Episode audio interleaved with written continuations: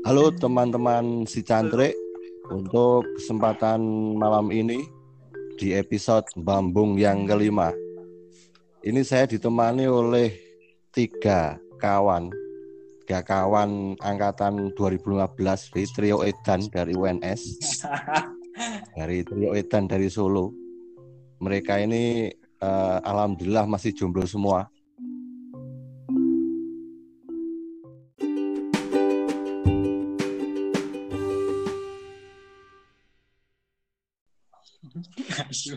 Jadi untuk untuk malam ini kita mau membahas soal gerakan nikah muda yang uh, mungkin dari tiga tahun ini ya tiga tahun ini sempat viral diperbincangkan di media sosial di Twitter di kalangan uh, milenial lah.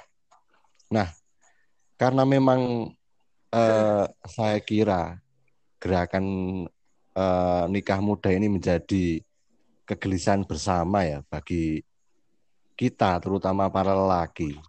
Nah ini ini gosip-gosip para lelaki.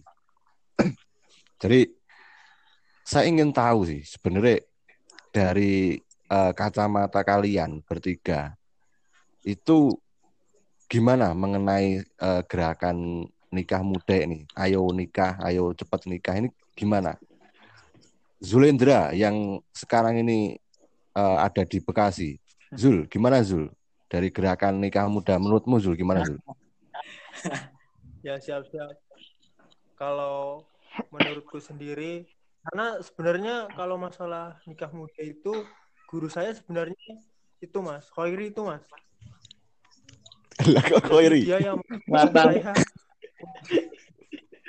saya saat ini untuk segala alasan untuk nikah itu ya macam-macam bisa untuk ya kalau bahasanya Khairi bisa untuk kepuasan saya gitu juga bisa. Cocote sing ngomong iku sapa, Cuk? Aku ora. Darimu ngono. Lanjut Jul, lanjut Jul. Kemudian kalau Khairi itu bilang kalau kamu uh, segera nikah suatu saat kalau kamu udah punya anak itu kamu masih dalam usia muda jadi kamu nanti kalau tua itu udah bisa uh, istilahnya ngopeni ya bahasa Jawanya. Ngopeni anak-anakmu itu. Makanya Khairi selalu nyupport aku untuk nikah muda. Padahal dia pengen sebenarnya nikah muda. Lah ini uh, gimana Khairi?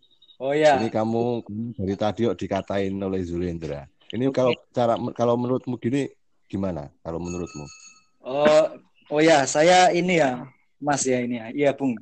Jadi menanggapi pernyataan uh, Bung Zulindra tadi, yang menurut saya pernyataannya agak kurang higienis itu loh. Oh, siapa yang bilang tahu sing sing ngomong ngaku nikah muda ini sopor gitu ya. Aku padahal enggak menyuruh Mas Zulindra ini nikah muda enggak. Cuman ini aku suruh untuk uh, segera memantaskan diri begitu. Lah ini sedangkan untuk uh, keberjalanan seorang pemuda, terutama generasi uh, generasi milenial ya atau generasi X yang notabene itu uh, eh generasi Z ya. Generasi Z itu kan 1995 sampai 2020, eh, 2010. Nah ini memang maraknya apa nikah muda, tren-tren bagaimana pemuda ini selalu disuruh untuk ayo undang nikah tiap ketemu nih eh, pengajian ataupun ning halal bihalal mesti pertanyaannya wis di calon durung apa kayak Iki sebenarnya eh, menjadi dilematis juga ketika memang sebenarnya seorang laki-laki atau perempuan yang sebenarnya belum siap nikah tetapi hanya karena semacam uh, sentilan seperti itu kita jadi goyah begitu. Akhirnya kita nikah hanya uh, ini ya ndak wedi disindir apa piye ndak dikon dikon wong tua ndang kon cepet nikah kayak ngono. Nah ini sahabat Zulindra seperti ini tak kembalikan sebenarnya saya melihat sahabat Zulindra ini sedang uh, bergerilya menuju ke sana juga ini. Nampaknya ini ada sekitar 3 sampai empatan calon, tetapi tidak tahu kan dah semua atau yang mau satu gitu loh. Saya tidak paham. Lagi ini sahabat ya, Zulindra. Gini sahabat calon yang eh Ya, begini sahabat calon. Sampean kan sampean kan jurnalis ya, terutama eh, jurnalis yang ya walaupun awam saya rasa masih perlu banyak eh, membaca buku gitu loh. Bukan bermaksud merendahkan sampean enggak. Tetapi begini, saya mempunyai referensi yang bagus untuk sebelum sampean itu mau melangsungkan eh, nikah ataupun ingin meminang anak eh, dari calon bapak atau calon mertua begitu. Nah ini saya menemukan referensi bagus di buku Kama Sutra, sahabat Zulendra. Jadi memang orientasi nikah itu kalau seumpamanya Sujiwo Tejo dulu pernah bilang begini, lima tahun itu masa ya masa enak-enaknya gitu lima tahun pertama. Terus lima tahun kedua itu banyak terjadi ini godaan ataupun ya barangkali perdebatan ah, bagaimana seorang dua insan itu menyamakan frame-nya dalam membangun rumah tangga. Terus lima tahun ketiga itu katanya sih, katanya wis anggapannya nek ra e, koyo ibu e, wis koyo ngono. Lah masa-masa yang agak eh, menakutkan itu barangkali kan tadi 10 tahun pertama. Nah, sebelum itu kan setidaknya kita mau nikah itu bener-bener bisa jujur gitu loh. Kenapa kita harus nikah gitu loh. Padahal menurut saya sebenarnya Rocky Gerung itu ki sebenarnya kan enggak nikah ya. Tetapi nggak tahu jajan atau enggak kan nggak tahu. Nikah. Jajan jere. Ojo. Gimana itu loh. Nah, gini sahabat Zulindra, ini ada referensi bagus dari buku eh, Kama Sutra itu sebelum kita membangun sebuah persahabatan atau long term relationship ya hubungan jangka panjang. Ya karena kan tidak mungkin awak dewa meh nikah ped- pedot terus nikah pegatan kan ya tidak mungkin. Kita hanya mau kan tetap nikah itu bagaimana sehidup semati begitu. Nah ini buku Kama Sutra yang ditulis eh, Anan Krishna itu menyebutkan sekitar ada enam tahap bagian pertama sampai bagian keenam yang di dalamnya tetap memuat eh, intinya begini apakah ketika kita bisa memilih calon perempuan itu bisa jujur dengan diri kita sendiri maksud saya begini kalau seumpamanya sahabat Zulindra ini punya empat calon ya ya ini enggak tahu ini kandas semua atau ada yang berhasil gitu loh Kan tapi calon. kalaupun kandas ya nyari lah Calonnya yang keenam gitu loh. Lah yang kelima sama ke yang keenam sampai sekarang oh belum belum. oh gitu Jadi gitu. Gini gini, gini. ya gini. Saya menyarankan sahabat Zulendra dari keempat calon ini sekiranya yang eh, calon yang sekiranya perempuan yang benar-benar klop atau bisa berjalan beriringan ini di mana gitu loh. Jangan sampai sahabat Zulin anu Mas Zulendra ini ini ki milih perempuan hanya karena sesuatu, barangkali karena cantik atau karena suge atau karena dia pekerjaannya atau karirnya bagus. Seperti itu saya rasa eh, ataupun hanya karena dogma barangkali ya ada sesuatu yang mengharuskan kita nikah dengan calon perempuan itu kayak gitu loh. Nah, ini menurut saya eh, sahabat Zulindra bisa ini kok sahabat itu sahabatku. Memang kalian itu berdua itu pakai sahabat, pakai kepompong. Ya. Iya, menurut menurut saya dulu. Eh, gimana? Iya, karena- Gimana? Karena gini Mas Suat, ini Mas Zulindra ini pernah bilang sama saya kalau seumpamanya Mei atau selesai Lebaran, kalaupun Corona sudah sembuh, itu katanya mau meminang. Corona bisa sembuh. Ya saya doakan semoga saja bisa gitu loh. Tetapi tolong dipertegas lagi sahabat ini, eh, oh sahabat Mas. Tapi tapi tapi Mas Zulindra. Ini sampean mau nikah, ini karena apa gitu loh. Sampean harus bisa jujur terhadap diri sendiri, kayak gitu. Jangan sampai hanya karena dia cantik loh. Jangan-jangan nanti kecantikannya bisa menyiksa sampean beberapa tahun yang akan datang. Barangkali diselingkuh nih, ya toh kan ngono malah ngeri. toh. Niku. Itu. Ini Udah, udah. saya Mas Fuad.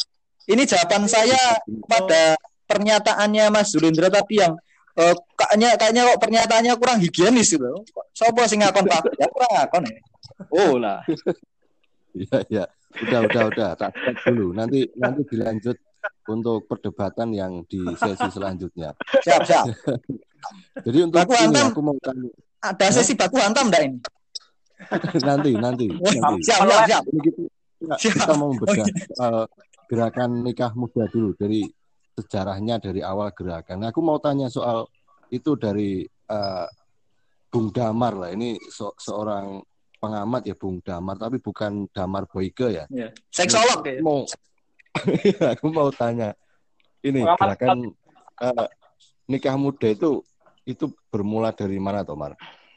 Coba jelaskan, Mar. Dokter Iya ini sih kalau nikah muda. kalau berdasarkan pengalaman saya pribadi ya, eh, dulu sempat lah ngetren gitu, nikah muda, nikah muda, dan saya ini loh mas, saya pernah ikut grup eh, kuliah nikah. Dulu, Kuliah nikah. i- iya, jadi eh, saya kan kuliah di kedokteran, terus teman saya sama kakak tingkat saya itu ada yang ikut. Saya itu diajakin kak tingkat saya waktu itu. Mau nggak? Ini ada kuliah nikah muda.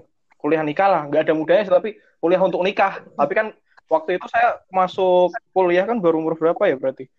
97. Oh, eh, umur 17-an lah. 17 18 saya baru baru apa baru masuk di UNS 18. berarti kan ya oke memang saya eh, ikut di kuliah itu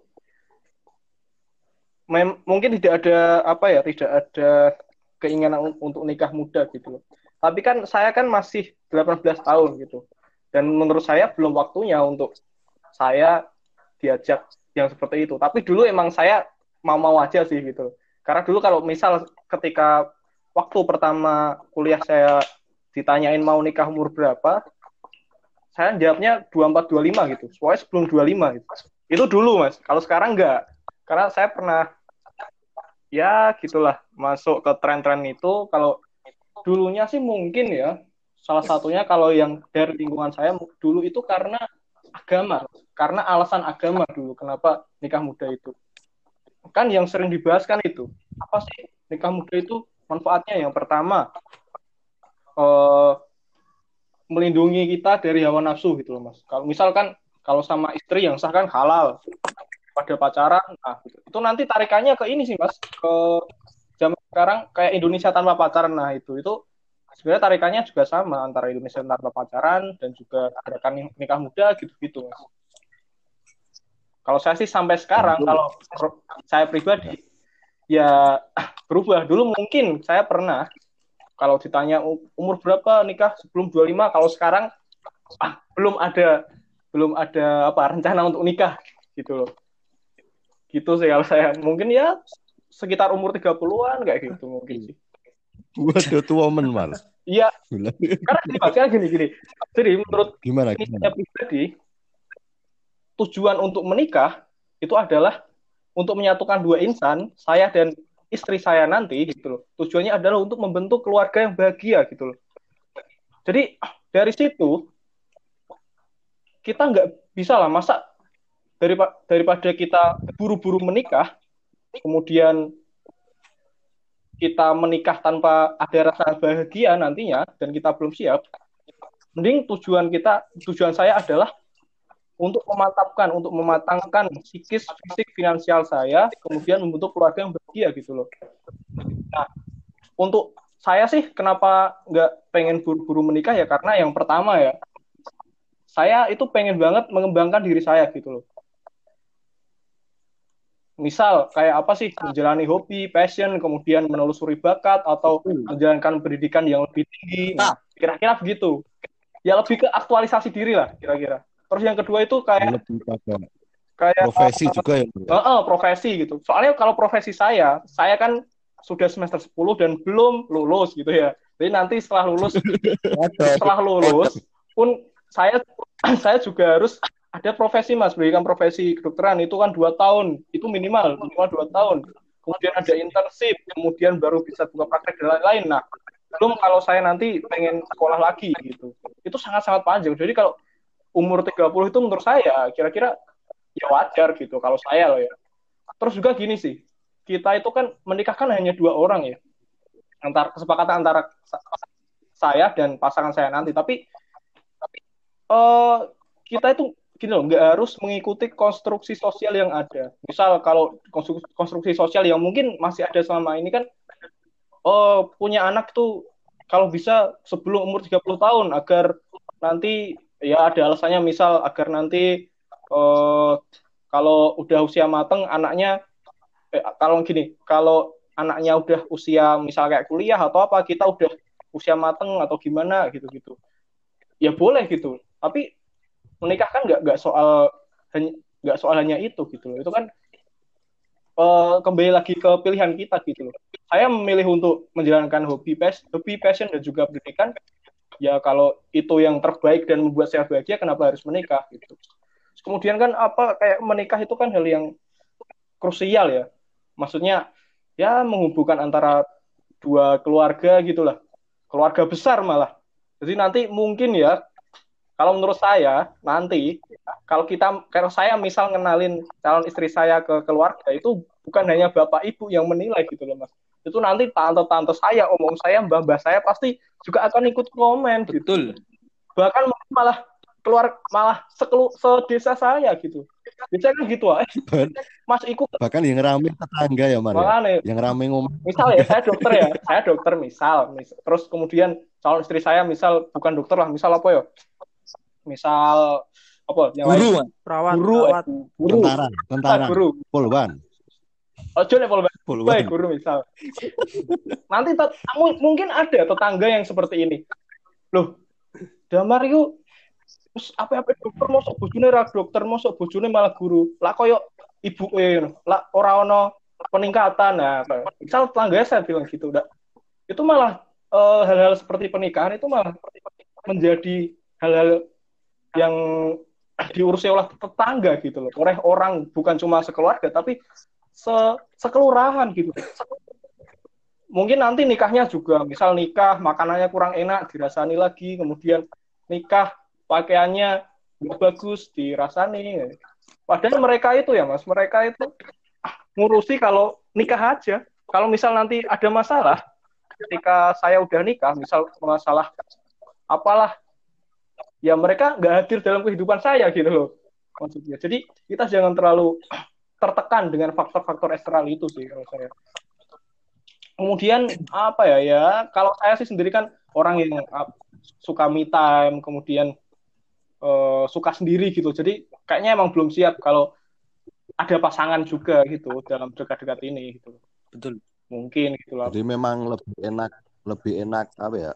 Single for fun ya, for Masuk. free. iya nah itu itu yang ma- masih saya jalani gitu loh maksudnya kayak ba- kebahagiaan nggak harus sama cewek yang sepasang yang kita jadi pasangan bisa aja sama teman-teman cowok atau teman-teman cowok cewek lain ya yang penting kan happy-nya gitu mas poin saya di situ sih gitulah kira-kira Oh, iya.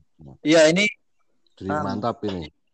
Gimana? ini? Bung, aku mau nambahin. Jadi memang eh, aku rasa tadi aku sempat deng anu se- sempat mencari tahu ya. Ternyata memang eh, penik- pernikahan muda di Indonesia itu pernah dicatat dari BPS itu tergolong dari eh, empat umur begitu. Lah ini yang pertama usia 15 ke bawah, yang kedua usia 16 sampai 18, yang ketiga usia 19 du- sampai 24 dan yang terakhir ini usia 25 sampai 30 tahun begitu. Lah ini malah dari salah satu riset barangkali paradok nikah muda yang pernah dilakukan oleh Nicholas Wolfinger barangkali. Dia mengatakan atau meriset sebuah eh, studi keluarga yaitu eh, pernikahan muda itu ternyata resikonya memang tinggi. Karena begini, menurut saya kematangan usia seseorang kan memang tidak tahu. Tapi kalau kembali lagi, ketika seorang individu itu kembali lagi ke masyarakat dan dihadapkan dengan pertanyaan-pertanyaan yang sekiranya eh, membuat eh, kuping panas barangkali atau membuat risih begitu. Ini seseorang yang setidaknya belum eh, mantap atau belum mempunyai eh, indikator kebahagiaan sendiri, ini susah. Ya benar saya mengamini apa yang dikatakan Bung Damar tadi.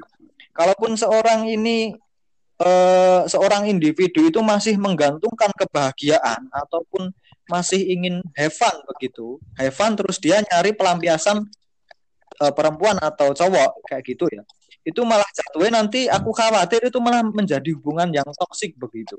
Padahal rentan usia muda katakanlah orang-orang milenial sekarang barangkali kan generasi Z ini 95 sampai 2010 ini secara kedewasaan masih dipertanyakan lah banyak dari referensi menyebutkan uh, bahwa orang-orang generasi Z ini kreatifnya kreatif banget tapi tingkat kebosanan atau kejenuhannya juga tinggi begitu.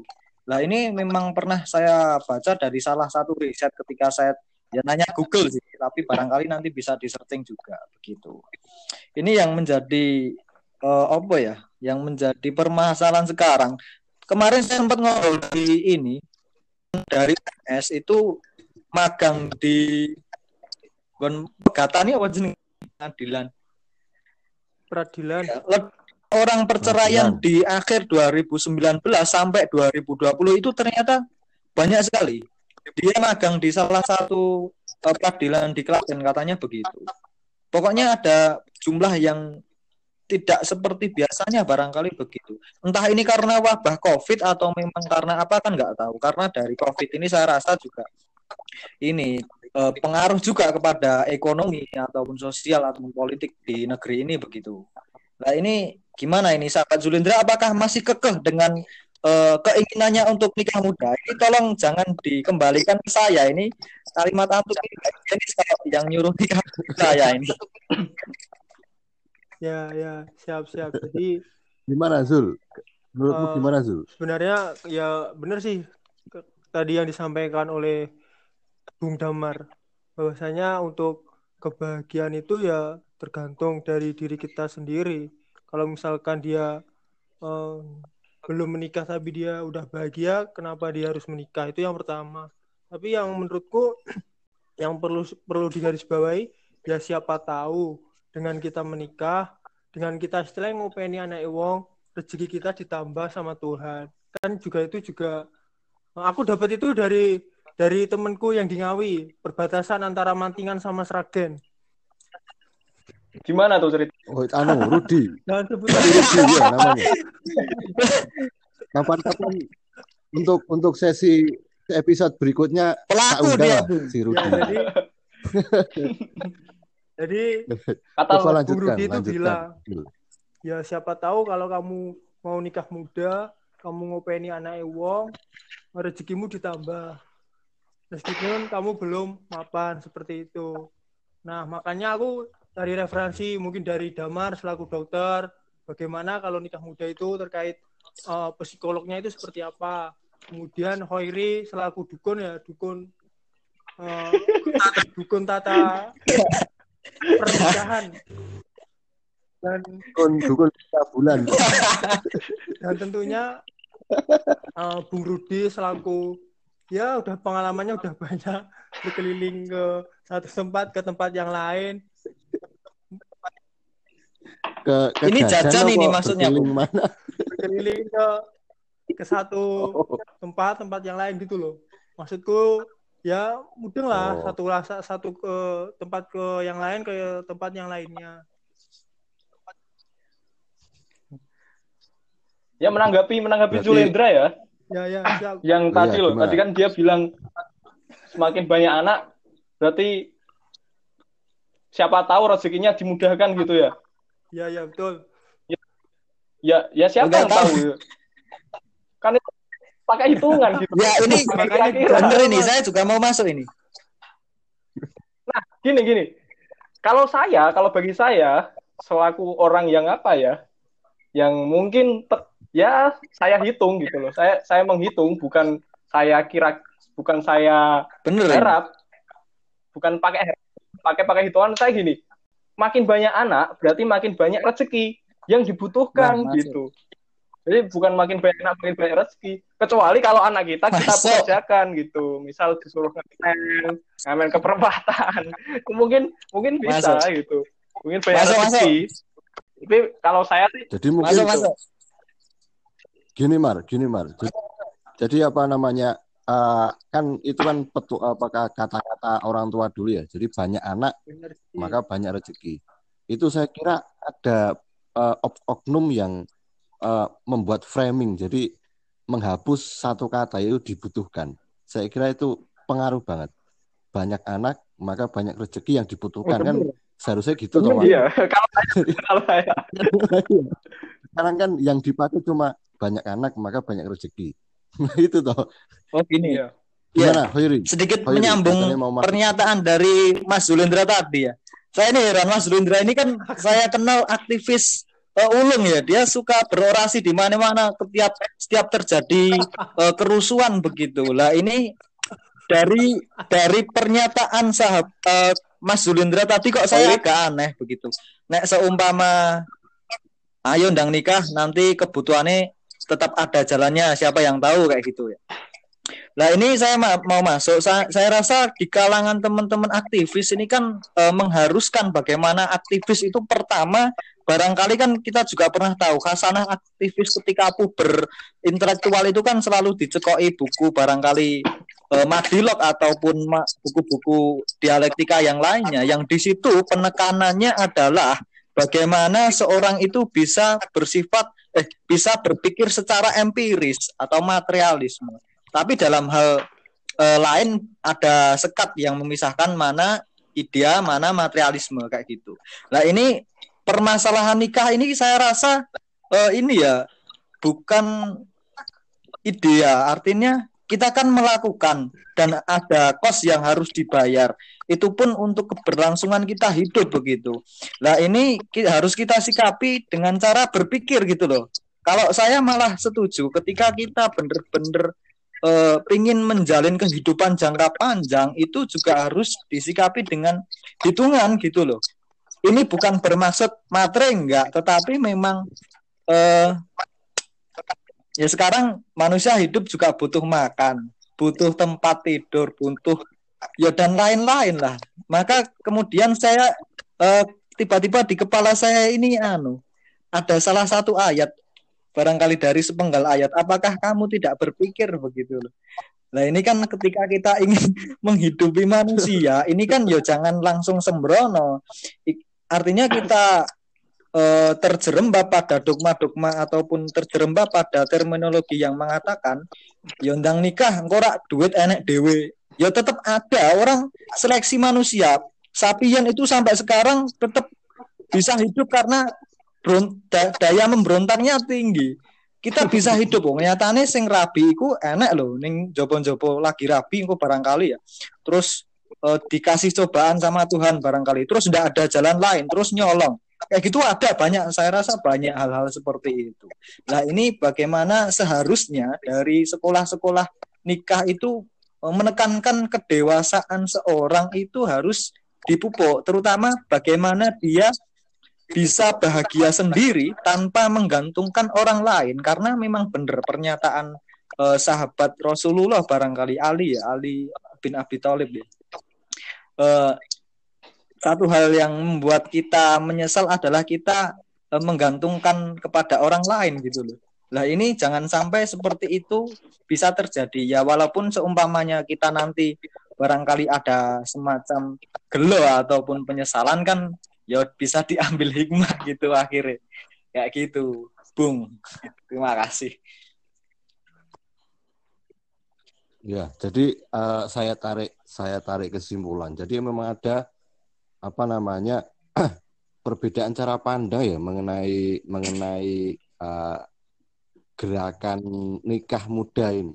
Tapi untuk itu saya mau saya mau tanya untuk kalian bertiga ini, kira-kira waktu eh, bukan waktu sih umur ideal untuk menikah itu eh, kira-kira umur berapa? Lalu dalam kondisi apa? Misalkan baru satu tahun bekerja atau dua tahun bekerja atau dalam kondisi memang bahkan belum belum eh, bekerja itu sudah layak menikah. Lah itu kira-kira eh, menurut kalian itu gimana? Mungkin saya saya mulai dari Mas Damar.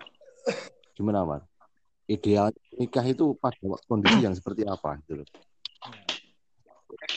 Iya, kalau dari saya sih indikator kita ideal untuk menikah itu bukan dari umur ya. Kalau umur jelas umur yang produktif, Mas. Umur yang produktif dan secara medis eh, sudah dianjurkan gitu. Kalau secara medis kan ini ya bahaya ya kalau nikah muda dan sekarang pun saya tahu sudah diatur di undang-undang eh, dulu itu yang cowok 19, cewek 16 kalau nggak salah. Terus sekarang kan cowok cewek 19 ya. 19 tahun minimal gitu. Oke, dan minimal umur 19 menurut undang-undang itu mungkin kalau nikah ya tidak melanggar undang-undang, tapi belum ideal aja. Nah, jadi di sini kalau umur saya nggak nggak bisa menentukan menentukan pasti. Kalau cowok sih ya kalau dia udah nggak ada sih kalau cowok, cowok kan subur terus ya, insya Allah ya. Maksudnya ya di bawah di bawah 40 lah kalau cowok kalau bisa nikahnya. Kalau cewek harus se, se, kalau dia pengen punya anak nantinya ya di bawah usia subur. Di bawah usia misal menopause kan kira-kira tahu ya 35 sampai 40 tahun gitu ya. 40 tahunan lah. Itu sebelum itu gitu kalau cewek. Itu maksimalnya rentangnya ya. Dan gini indikator ideal adalah apa yang kita butuhkan selama kita menikah gitu. Yang pertama adalah misal persiapan untuk resepsinya, misal persiapan seremoni seremonial seremonial. Itu juga dipikir gitu. Jadi nggak nggak cuma setelah setelah resepsi, tapi resepsinya ini kadang-kadang jadi hal yang sangat-sangat apa ya, sangat-sangat penting gitu. Kalau saya sih saya pribadi sih nikah nggak usah ini ya, nggak usah nggak usah terlalu mewah atau mahal-mahal ya kan ya seremonial ya secukupnya aja lah gitu kira-kira. Nah itu menurut saya sih ya pasangan nanti berarti udah siap dong soal finansial gitu loh. Kalau kata siapa? Kata kalau Vicky Prasetyo kan labil ekonomi gitu. Ya bener sih. Labil ekonomi mungkin saya artikan uh, finansialnya kurang dewasa.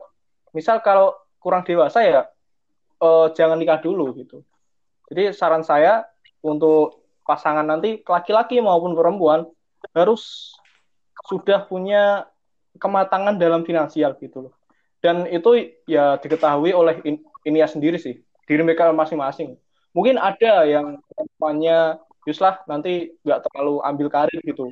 Mungkin malah ada yang ya udah jadi rumah tangga aja. Ya it's okay, tapi tetap dengan perhitungan gitu loh. Apakah kalau misal ceweknya nanti cukup menjadi ibu rumah tangga, kemudian nanti dia memiliki beberapa anak, apakah masih bisa berkualitas ap apakah masih bisa berjalan nantinya dengan bahagia uh, keluarganya itu ya monggo gitu kalau bagi saya sendiri sih ya kalau bisa laki-laki perempuan sama-sama produktif saling mendukung gitu sih. Terus idealnya sampai benar-benar ini juga benar-benar cocok.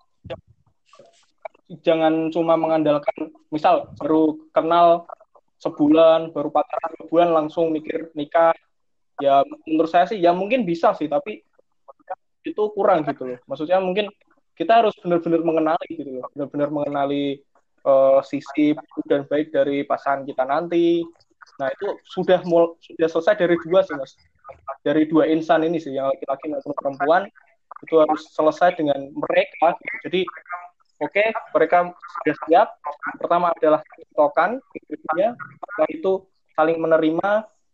Kemudian baru pikir soal apa finansialnya nanti mau profesi kayak gimana mau tinggal di mana dan lain-lain kayak gitu sih dan di luar itu nanti mungkin persiapan untuk menghadapi faktor-faktor eksternal nanti sih contohnya ya eh, tekanan dari mertua lah, tekanan dari orang tua, tekanan dari lingkungan. Nah, gitu sih. Misal tekanan punya anak juga gitu kan, ada mungkin pasangan yang lima tahun menikah, dia belum punya anak, bukan berarti mandul atau gimana, mungkin karena memang belum belum bisa ini sih, belum belum siap untuk untuk mempunyai anak. Nah, nah kayak gitu. Itu harus dipersiapkan. Dan ya keputusan kalau bisa disetujui oleh dua pihak gitu sih mas. Bagaimana nanti gitu. Itu ya indikator ideal menurut saya. Kalau itu semua finansial kemudian psikis yang matang dan lain-lain. Kan gitu kira-kira ya, kalau Zul saya. menurutmu Zul yang ideal itu uh, kapan Zul? Dalam kondisi yang seperti apa untuk nikah kamu? Misalkan kalau kamu sendiri Zul. Ya kalau aku sendiri uh, meluruskan kembali ya. Ketika kita mau menikah itu sebenarnya ya kita sebagai laki-laki maupun sebagai calon kita ya istilahnya uh, sudah mempunyai ya finansial lah finansial. Uh, punya lah mem, me, apa mas? Itu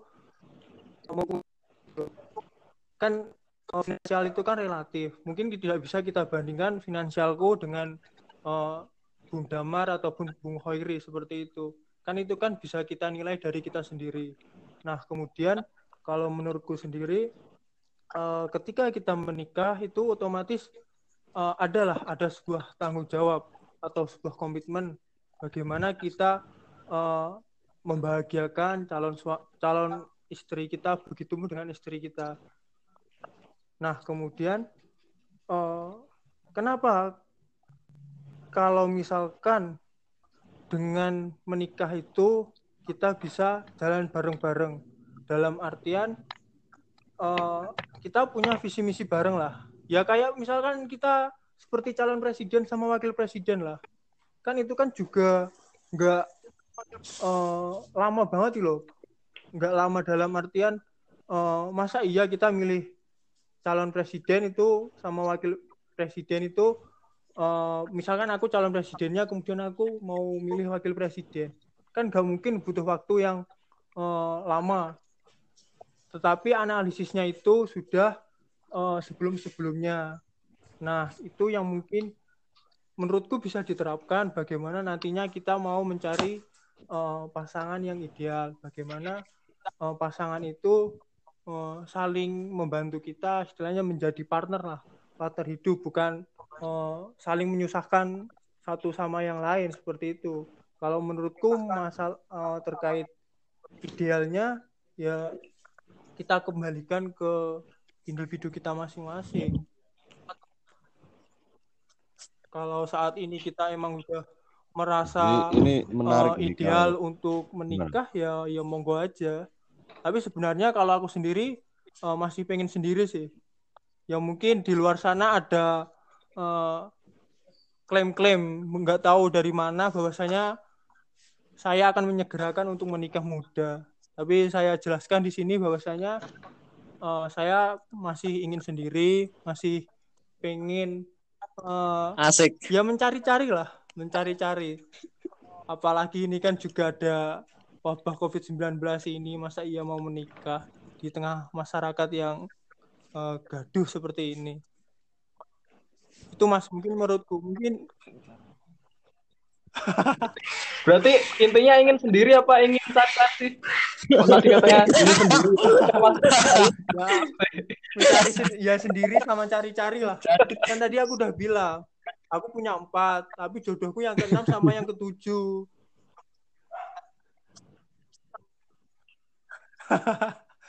Seleksi alam lah kata kau. Lah empatnya diapain, Jul? Ini aneh mosok ya saya ini sen masih pengen sendiri tapi saya ya Ngawur ingin cari kan kan gimana gitu loh. Oh, tidak ada ikatan lah. Ini tak tak. Misalkan Berarti ap, ap, kita hari ini apa aslinya aku pacaran sama tapi... seseorang. Ah, tapi aku nggak bisa. Misalkan setiap hari aku suruh ngechat dia suruh tanya kabar dia. Sebenarnya aku bukan tipe tipikal kayak gitu. Ya ya bisa jadi. Aku malah cuek malahan Oh berarti kamu orang Tapi yang kurang perhatian ya, kurang memperhatikan ya? Aku uh, ada masalah, misalkan masalah apa? Oh. Mungkin masalah, uh, ya masalah terkait uh, pribadiku ataupun masalah misalkan tentang pekerjaanku lah. Aku sharing baru ke dia. Jadi aku butuh dia, aku butuh dia. Mantap. ya jangan menstigma. Oh berarti itu. kamu datang kalau cuma butuh Tapi, ya Zul? Uh, harusnya Bener, seperti itu. Maksudku. udah. Uh, ya, calon berarti... pasangan kita pun juga seperti itu harusnya bukan oh, kita pacaran harusnya... ya ah tanya kabar makan belum mandi belum. Bahasilah kalau saat ini misalnya seperti itu. Ya kalau aku sendiri ya seperti itu. Kita bagaimana uh, dua pasangan ini itu saling melengkapi satu sama lain. Jadi misalkan kita ada masalah ya kita sharing. Tapi kalau nggak ada masalah ya udah kita kerjakan sendiri. Itu fungsinya pasangan hidup apalagi kalau udah halal kan juga nambah kan kata kiai-kiai nambah ibadah nambah seperti itu kalau aku begitu mas Oh ya, oh ya. Jadi eh, tak potong dulu. Jadi menarik ini dari sahabat eh, dari Mas Zulindra lah, Bung Zulindra. Jadi karena memang dulu eh, anu Zul, punya pengalaman jadi ketua partai di salah satu partai di UNS ya. Jadi memang memandang nikah itu menarik juga kalau di, ditarik pada bagaimana seorang presiden itu akan eh, memilih eh, koalisinya sebagai wakil presiden kan? It- itu menarik karena eh, dari kedua pasangan calon presiden dan wakil presiden kan dia punya satu visi yang sama dan tentu punya cita-cita untuk eh, kesejahteraan Betul. masyarakat umum gitu lah. Ini Tapi jangan sampai ada pasangan itu pasangan lain. hidup itu dibawa ke Nah, pasangan untuk- partai loh. Paham kan? ya tapi kan tapi kan bisa bisa saja pasangan di partai itu jadi pasangan di keluarga gitu loh Contohnya siapa ya contoh? ya amin gitulah kalau Contohnya kamu siapa Mar nanti ngono ki, Mar? misalkan kamu lah di organisasi atau di Waku. Mbok Kowe paling. misalkan kamu di profesi di mana pun lah ya. Semoga dapat yang dari sama-sama Betul. punya visi yang sama atau Zul. Kan gitu. Nah untuk untuk menyingkat waktu lah. Untuk menyingkat waktu karena ini udah udah setengah jam lebih. Aku pengen tahu ini dari Hoiri. Iya siap siap. Sing- seperti apa ri? Ini Singkat aja ya.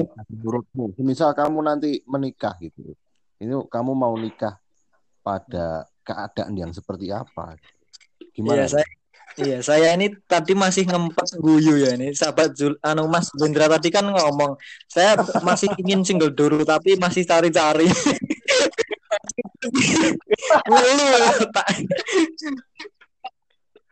Berarti aduh, mungkin ini sih, mungkin dia single gara-gara gagal mencari. Mungkin. Dia mencari tapi Nah, gagal itu lah. sendiri. Bung Zul, Bung Zul gini Bung Zul. Kalau sampai mencari, itu ya nggak bisa mencari. Ini nggak ada yang buang ini. Kalau sampean mencari di mana tergantung sampean mencari kayak gitu. Jangan sampai sampean itu mencarinya lewat eh, media sosial yang kurang valid artinya gitu. Dengan serampangan sampean itu misalkan ya ini ya ngucapin salam kepada ukti-ukti di luaran sana assalamualaikum itu deretan sampai puluhan katakanlah di Instagram DM-nya gitu juga aneh gitu loh.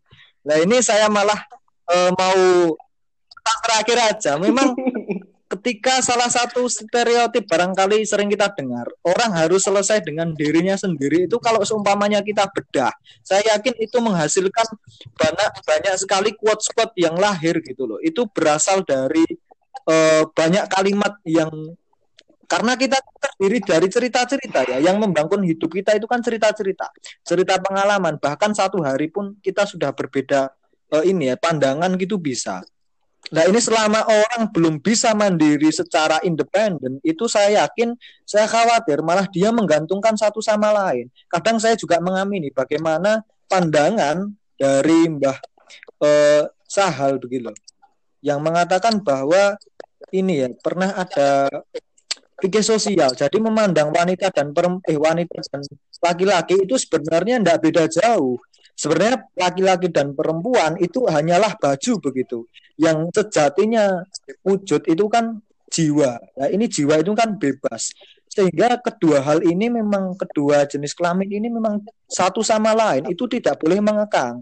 Artinya kalau seumpamanya ada berbeda pandangan itu pasti, tetapi bagaimana dua orang ini e, bisa menyelesaikan dengan baik. Sedangkan untuk waktu menuju ke sana ini masih banyak pertanyaan begitu. Nah, mungkin barangkali dengan adanya eh, adanya ini ya percepatan lompatan teknologi yang mempengaruhi tingkat pubertas seorang eh, manusia terutama manusia Indonesia karena sekali lagi memang manusia Indonesia itu saya rasa dibesarkan dengan media yang sering eh, mereka lihat begitu. Lah ini cepat sekali mempengaruhi bagaimana eh, anak-anak itu ternyata bisa dewasa lebih dini begitu. Nah, semoga dari impact itu bisa melahirkan seorang pemuda-pemuda yang memang sudah dewasa sejak dari dini begitu. Barangkali begitu, Bung Fuad. Jadi Terima kasih. Yang terkait umur itu relatif lah begitu. Selama dia pokoknya selama dia masih menggantungkan itu menurut menurut saya belum eh, layak untuk menjadi calon istri ataupun calon suami. Artinya dia masih eh, tergantung kepada stereotip yang dicap ke orang begitu. Terima kasih. Ya ini mungkin harus Jadi anu ya tergantung tegas. anu ya untuk barangkali begitu. kemandirian Fuad. setiap eh, pasangan ya Ria. Jadi tergantung. Iya, artinya iya, artinya tidak ada kekangan Siap. antara satu dan yang, yang Nah, lain. ini begitu. untuk untuk eh, pertanyaan terakhir nih. Jadi Ya, tadi kan bahas soal gerakan eh, nikah nikah muda. Ini soal eh, gerakan tanpa pacaran, Indonesia tanpa pacaran. Ini menurut kalian setuju nggak gerakan Indonesia tanpa pacaran itu? Kalau menurut kalian menurut kalian sendiri pacaran Kalau itu- itu, penting nggak menurut pribadi kalian masing-masing? Nih, coba coba jelas coba dijawab secara ringkas ya, secara ringkas. Eh ini mau Zulindra dulu lah, Zulindra gantian Zulindra dulu. Gimana Zul? ini ini stop dulu ya. Iya, yang masih Ini- mencari. Ini Zulendra memangnya pernah Batu- pacaran ini, Bu? Saya khawatir malah belum. ya. Ini agak-agak apa pembahasan urgen dulu. Habis Gimana. Zul? Siap, Gimana siap. Zul? ya kita kembali lagi ke makna pacaran itu seperti apa.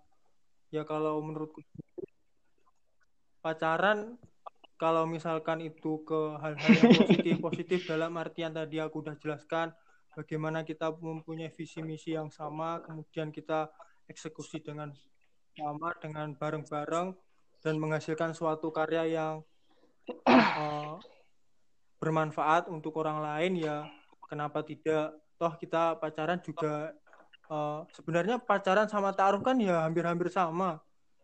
Tergantung tujuannya. Kalau tujuan pacaran eh, itu negatif ya eh, pacaran ya akan negatif. Begitupun dengan taruh seperti itu. Kembali lagi bahwasanya eh, menurutku sendiri eh, pacaran itu kalau diniatkan untuk emang benar-benar itu cari jodoh untuk eh, mencari seseorang yang memang benar-benar itu eh, layak untuk menjadi pasangan kita. Begitupun dengan aku layak ke dia ya nggak masalah bagiku. Toh pacaran itu juga akhirnya kan nanti ya ada kemungkinan lah pacaran itu. Ya kalau nggak menikah ya paling ya bunuh diri kayak Hoiri mungkin seperti itu Wow, ngawur. Udah, stop, stop, ngawur. stop. Jangan, jangan, jangan dibalas. dibalas.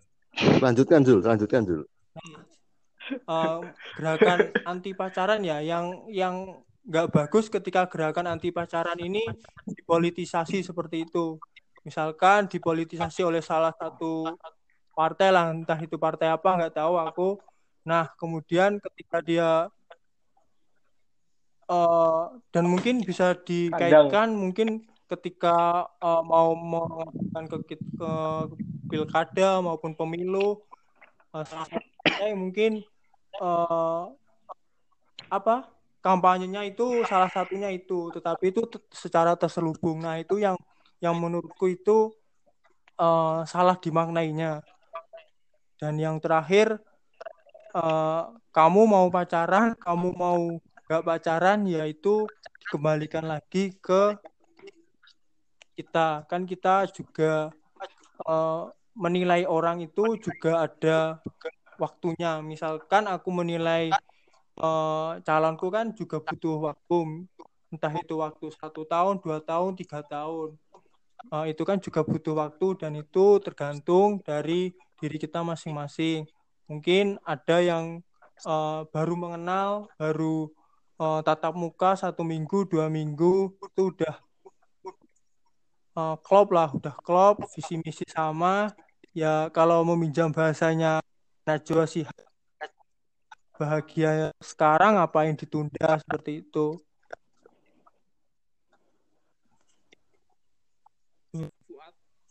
Oh ya. Terima kasih Zul. Langsung tadi nyentil Hoiri, tapi jangan jangan dibalas. Ini bukan waktunya baku hantam ya Ria. Langsung. Langsung. Oke, oke, oke. Jadi gini ya, saya kembali lagi. Tadi kan sahabat Zulindra itu dulu pernah memimpin salah satu partai di eh, Fakultas Pe- Pertanian. Itu partainya Partai Kandang begitu. Lah ini saya masih Gimana, teringat Bung gimana? Fuad. Gimana gimana? Gimana? Gini Bung Fuad. Jadi Mas Yulindra itu dulu saya rasa saya masih eh, ingat sekali. Tolong kalau salah dibenarkan. Tapi barangkali ini dulu dulu visi misi pertama bagaimana partai itu dibuat salah satunya ini eh, ingin mengestruskan kembali mahasiswa mahasiswi UNS. Nah, itu bener sebelum eh, partai kandang itu legal. Tapi Nah. setelah partai kandang itu Bentar. legal, eh, visi misinya nggak seperti itu. bentar, bentar, Ya, bentar, bentar. Gini Bung Fuad, Gimana gimana gimana? Jadi gini, dulu visi misinya sebelum legal memang seperti itu. Lah, sepertinya juga masuk begitu. Tetapi kenapa tidak ada implementasi yang benar-benar dijalankan dari visi misi itu? Tetapi menurut saya itu hal yang bagus. Karena begini, eh, estrus itu eh, kebetulan gini, Bung Fuad. Estrus itu kalau di bahasa Indonesia artinya birahi atau apa ya sange begitu. Tapi bukan generasi sange enggak ini generasi of Cheng itu. Jadi sahabat Zulindra itu visi misi pertama sebelum legal ingin mengestruskan lagi eh, mahasiswa-mahasiswi UNS. Tetapi barangkali kalau seumpamanya dengan metodologi, bentar, bentar. Dengan metodologi cocok logi itu ada benarnya Bung Zulindra. Jadi begini, saya belajar ke kalau di kebudayaan lama di timur itu kan di India barangkali itu kan ada candi eh, Khajuraho ya kalau barangkali. Nah di Indonesia tepatnya di daerah Karanganyar itu ternyata ada candi Suko yang notabene candi itu memang eh, ini sengaja dibangun dan pernah menjadi peran besar sebagai suatu lembaga pendidikan itu seks usia dini, pelajaran pendidikan seks usia dini. Dengan hal ini saya harapkan bagaimana mahasiswa-mahasiswi yang dari latar belakang masyarakat yang menganggap bahwa eh, seks ataupun hubungan itu tabu, menurutku itu harus dihilangkan. Karena karena gini, saya eh, pendapat saya begini, semakin hal itu semakin ditutup-tutupi, maka hal itu akan membuat kepenasaran orang itu semakin besar juga, Bung Fuad. Gitu. Nah ini saya, saya mungkin berpesan kepada Bung Zulendra ini, barangkali masih ada komando kepada partainya. Saya kurang tahu juga, mungkin partainya itu sudah wafat ya. Ah, Nggak tahu mau mati suri atau gimana, nggak tahu. Partai kandang itu mau mati suri atau nggak kira-kira Bung Zulendra? Kalau seumpamanya ada kemungkinan untuk dihidupkan kembali, saya ini cuma mau usul ide. Barangkali kalau seumpamanya di salah satu eh, pembahasan diskusi ataupun eh, di dalam kurikulum perpa- eh, pelajaran perpartaian begitu. Itu dimasukkan pendidikan seks gitu tidak apa-apa ini malah bagus agar tidak terjadi barangkali pelecehan seksual ataupun seks di luar nikah. Seperti itu Bung Zulindra terima kasih. Anu, Gitu, Bung anu, kalau menurutmu Ri, tadi belum kejawab loh soal Indonesia tanpa pacaran ini setuju pora? setuju atau enggak kalau dirimu? Eh, saya ini sih saya sebenarnya kurang kurang ini latar belakang kenapa harus ada Indonesia tanpa pacaran pun saya masih bingung. Tetapi kalau seumpamanya yang saya lihat ini kan terlalu di ini ya, ta- terlalu di eh, kom, komandoi, di apa ya ditompori. di oleh salah satu kepentingan begitu loh. Ada kepentingan yang berada di Tapi dalamnya. kalau pacaran, kalau Nah, ini pacaran, Kalau kalau seumpamanya pacaran sendiri menurutmu gimana? Kamu juga setuju soal pacaran atau enggak? Atau langsung nikah gitu? Nah, ini kalau seumpamanya terkait pacaran ini saya rasa setuju, tetapi masih dalam ini ya, masih dalam eh, pengetahuan kedua belah pihak. Artinya eh, paham begitu orang tuanya barangkali atau orang-orang sekitarnya barang barangkali tahu begitu. Oh, Lah agar kemudian hari tidak eh, sesuatu hal yang dilakukan oleh dua orang itu tidak terselubung begitu loh. jadi backstreet, seharusnya memang dalam Tidak pantauan tertutup backstreet gitu ya menurutmu? Kalau istilah-istilah kerennya kan backstreet. Oh iya. Eh, Iya begitu. Ah. Jadi memang bahkan menurut Iya, saya eh, gimana gimana? Bahkan menurut saya begini Bung Fuad.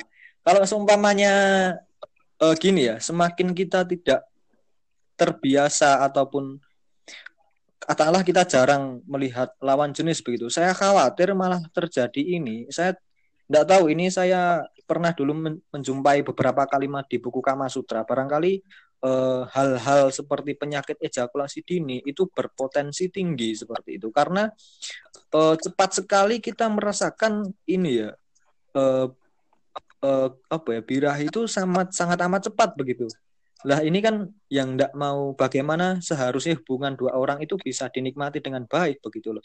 Kalau seumpamanya dalam satu penglihatan itu langsung katakanlah ada yang berdiri tapi tapi bukan uh, ada yang tegak tapi bukan Ereksi. keadilan itu kan Ereksi. itu seharusnya itu nah ya itulah seharusnya kayak gitu menurut saya uh, fine fine wae nek seumpamane pacaran tetapi masih dalam koridor batas oh, begitu seperti ya, itu. lanjut langsung pada uh, Bung Damar. Menurutmu gimana, Mar? Coba ring, ringkas saja.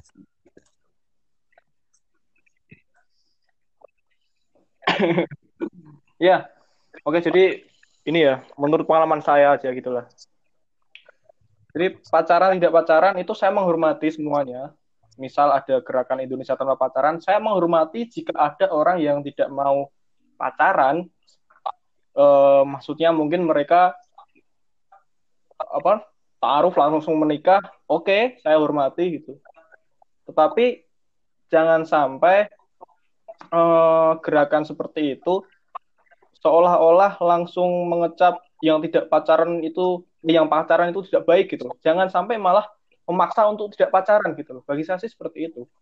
Oke punya opini pacaran itu pacaran itu uh, tidak bagus. Kalau misal ya kalau tidak bagus menurut menurut orang lain bagus-bagus saja ya kenapa gitu loh? Ya cukup sampai di situ aja sih. Maksudnya saya tetap menghormati gitu. Tapi asalkan jangan sampai memaksa kemudian menimbulkan stigma-stigma yang tidak baik gitu. Soalnya kan ya Betul. Uh, itu kan subjektif ya yang pacaran baik atau tidak baik gitu ya. Betul. itu kan menurut mereka sendiri kalau misal tidak baik karena apa karena apa gitu kan mungkin prasangka prasangka dari mereka yang tergabung dalam Indonesia tanpa pacaran itu gitu. terus untuk pacaran apakah baik atau buruk ya saya rasa selama ini saya pernah saya pernah beberapa kali pacaran gitu. Punya pacar dari SMP eh, SMA kemudian nah gitulah kira-kira. Ada beberapa kemudian yang jadi manfaat ya yang saya rasakan itu mas uh, lebih ini sih pengalamannya sih. Misal kita jadi lebih mengenal diri sendiri itu. Misalkan ketika saya kan itu sama seseorang, kan kita pacaran sama seseorang yang lawan jenis, kemudian menjalani uh, beberapa bulan lah, beberapa tahun, pasti ada mungkin beberapa konflik, beberapa kejadian yang ada pelajarannya gitu. Misal kayak pas lagi ada masalah tuh, terus oh iya ternyata saya sadar gitu diingetin kamu itu jangan terlalu egois gitu misal.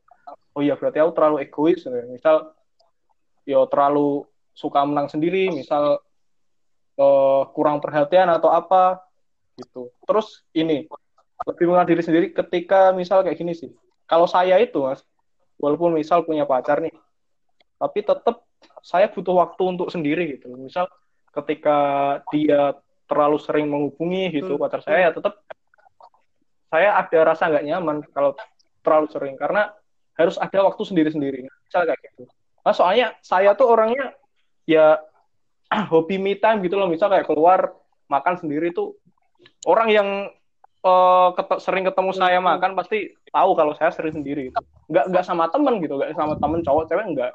Ya misal ke misal ke mall bioskop atau ke apa nonton sendiri itu udah biasa itu. Dan itu saya butuh itu. Misal saya jadi mengenal oh ternyata saya butuh waktu sendiri gitu nggak harus ya sama orang gitu. Terus kemudian belajar memahami orang lain juga gitu kan.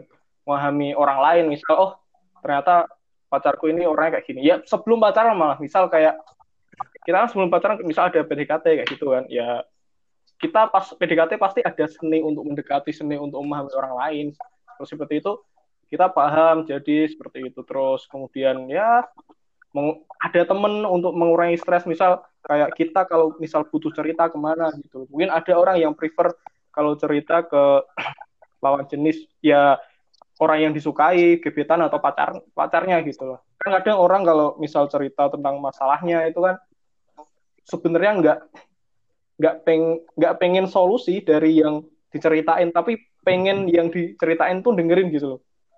Karena mungkin gini misal aku sama aku mau curhat nih sama pacar saya. Aku sebenarnya nggak butuh nasihat atau solusi dari pacar saya, tapi saya butuh pacar saya gitulah kira-kira kayak gitu. Nah, misal kayak gitu itu kan? Secara sederhana mengurangi stres beban hidup gitu kira-kira. Dan kemudian saling memberi motivasi dan lain-lain. Sebenarnya itu sih ada ada dampak positifnya mungkin ada dampak negatifnya ada lah. Misal ya kalau lupa waktu atau lupa apa kayak gitu. Misal ada orang yang tipe dikit-dikit cemas tipe yang pro protektif tipe posesif kayak gitu gitu kan.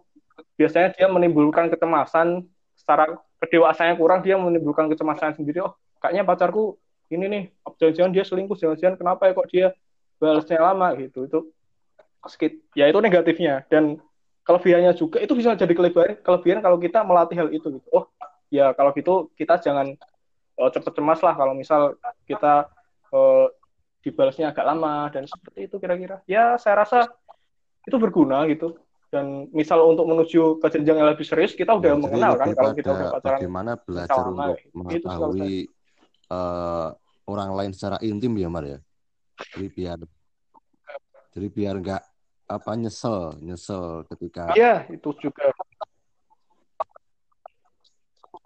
Uh, kalau misal kita baru pacaran bentar terus kesusu ah ini pasti jodohku ternyata pas dijalanin uh, baru bentar langsung cerai setelah nikah. Nah, daripada gitu kan, maksudku ya, ya kalau nah, bisa kan kenal lebih lanjut, apa kejadian belum menikah, atau, kenapa uh, enggak gitu? Misal wah itu Ayu kan, gitu, uh, terlihat cantik, jebul duit pedang kan, jebul laki-laki.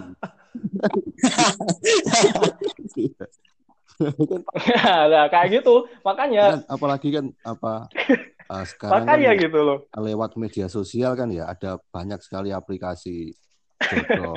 Di uh, Tenten terus mm. Lala itu kan banyak lagu eh Hugo apa Hago itu. Loh, aku ini pengamat kan. Kita kita ini kita ini pengamat. jadi uh, itu kan oh, ya kayak itulah.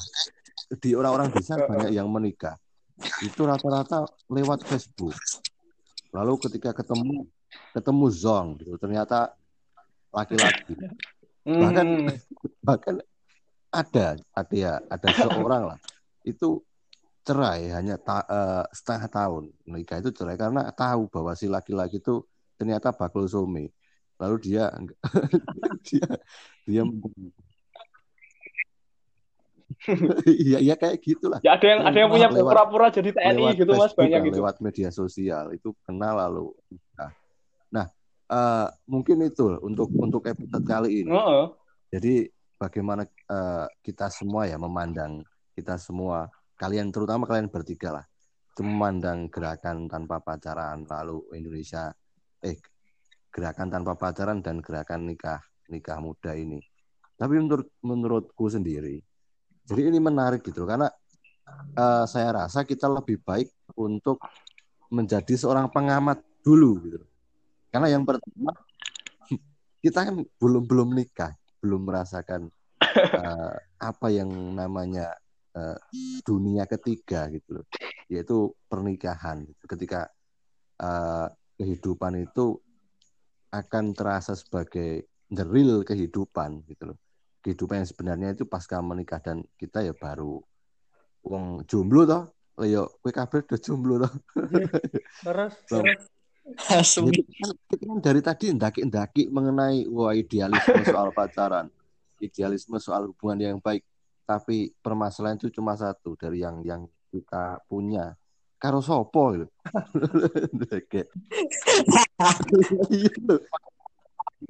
Nah, ya, itu itu kita, ya, itu juga kita lupa bahwa ya, sebenarnya pertama, kita sudah berbicara panjang lebar sampai bagaimana konspirasi politik secara nasional gerakan-gerakan tersebut tapi kita belum bisa menjawab sama siapa itu itu kan terlalu jadinya sekali itu sadis gitu itu terakhir. Oh iya, lagi ingin mencari. Kan lagi ingin mencari. Itu sih. Eh pada kesempatan kali ini, jadi mohon maaf bagi teman-teman karena trio trio wek-wek ini memang eh, sangat bersahabat ya. Mereka adalah aktivis juga berlatar belakang aktivis di eh, UNS dan satu angkatan juga kebetulan satu angkatan Kalau satu jadi, nggak jadi. eh, organisasi dan satu kontraan juga. Bahkan mungkin saling bertukar pasangan itu juga bisa.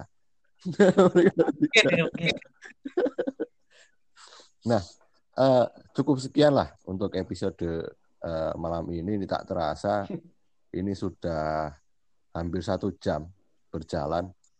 Jadi intinya adalah bahwa eh, menikah itu soal pilihan. Dan jo- jodoh itu kan nasib.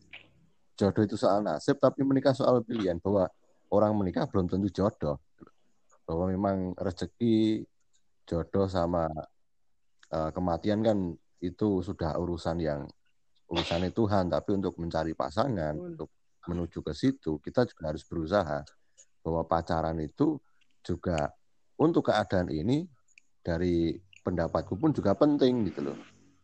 Berbeda pada eh, orang-orang zaman dulu misalkan orang tua kita.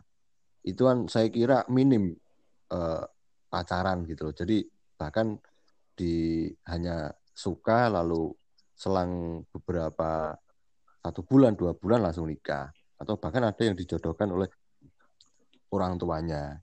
Itu kan mereka tanpa menikah tanpa pacaran. Tapi ternyata yo lawong yo bisa mela- melahirkan kita kita ini besar. Nggak ada konflik nggak ada eh, apa pun permasalahan nih gitu loh. Tapi sekarang kan nggak bisa.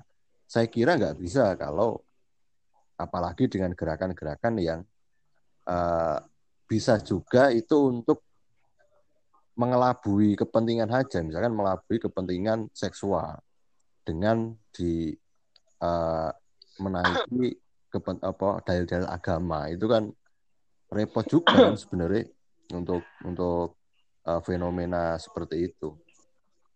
Ya itu dulu lah untuk kesempatan kali ini. Semoga kita bisa eh, ngomyang lagi, semoga kita bisa ngobrol bareng lagi lah. Eh, trio jomblo tapi terlalu daki-daki tapi nggak apa-apa lah itu untuk Nanti hashtagnya nggak gitu apa-apa. mas. Jadi, karena gini Trio jomblo, trio gimana jomblo, daki-daki. ya kan ini kan filsuf-filsuf itu kan banyak tuh yang jomblo mereka terlalu eh, mungkin terlalu banyak menganalisa pasangan dia jadi jomblo Nyindir kowe kuwi.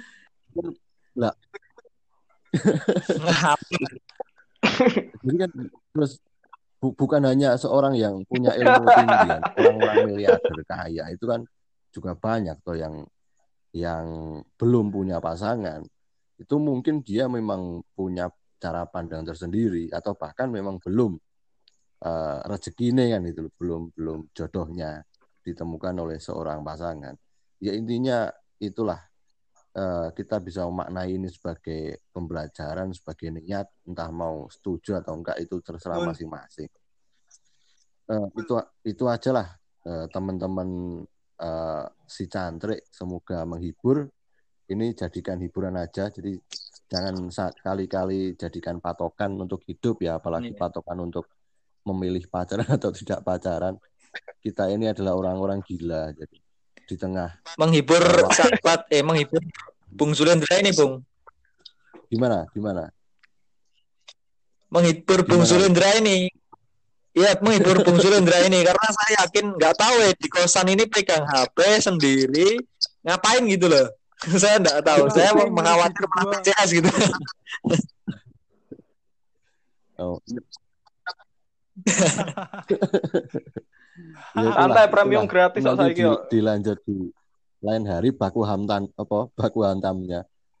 Eh Siap. cukup sekian sahabat si cantrik semoga kita berbahagia di tengah pandemi ini. Semoga kita masuk pada orang-orang yang selamat bangsa Indonesia ini segera Amin. eh, pulih dari wabah COVID-19 Amin. cukup itu. Selamat berbahagia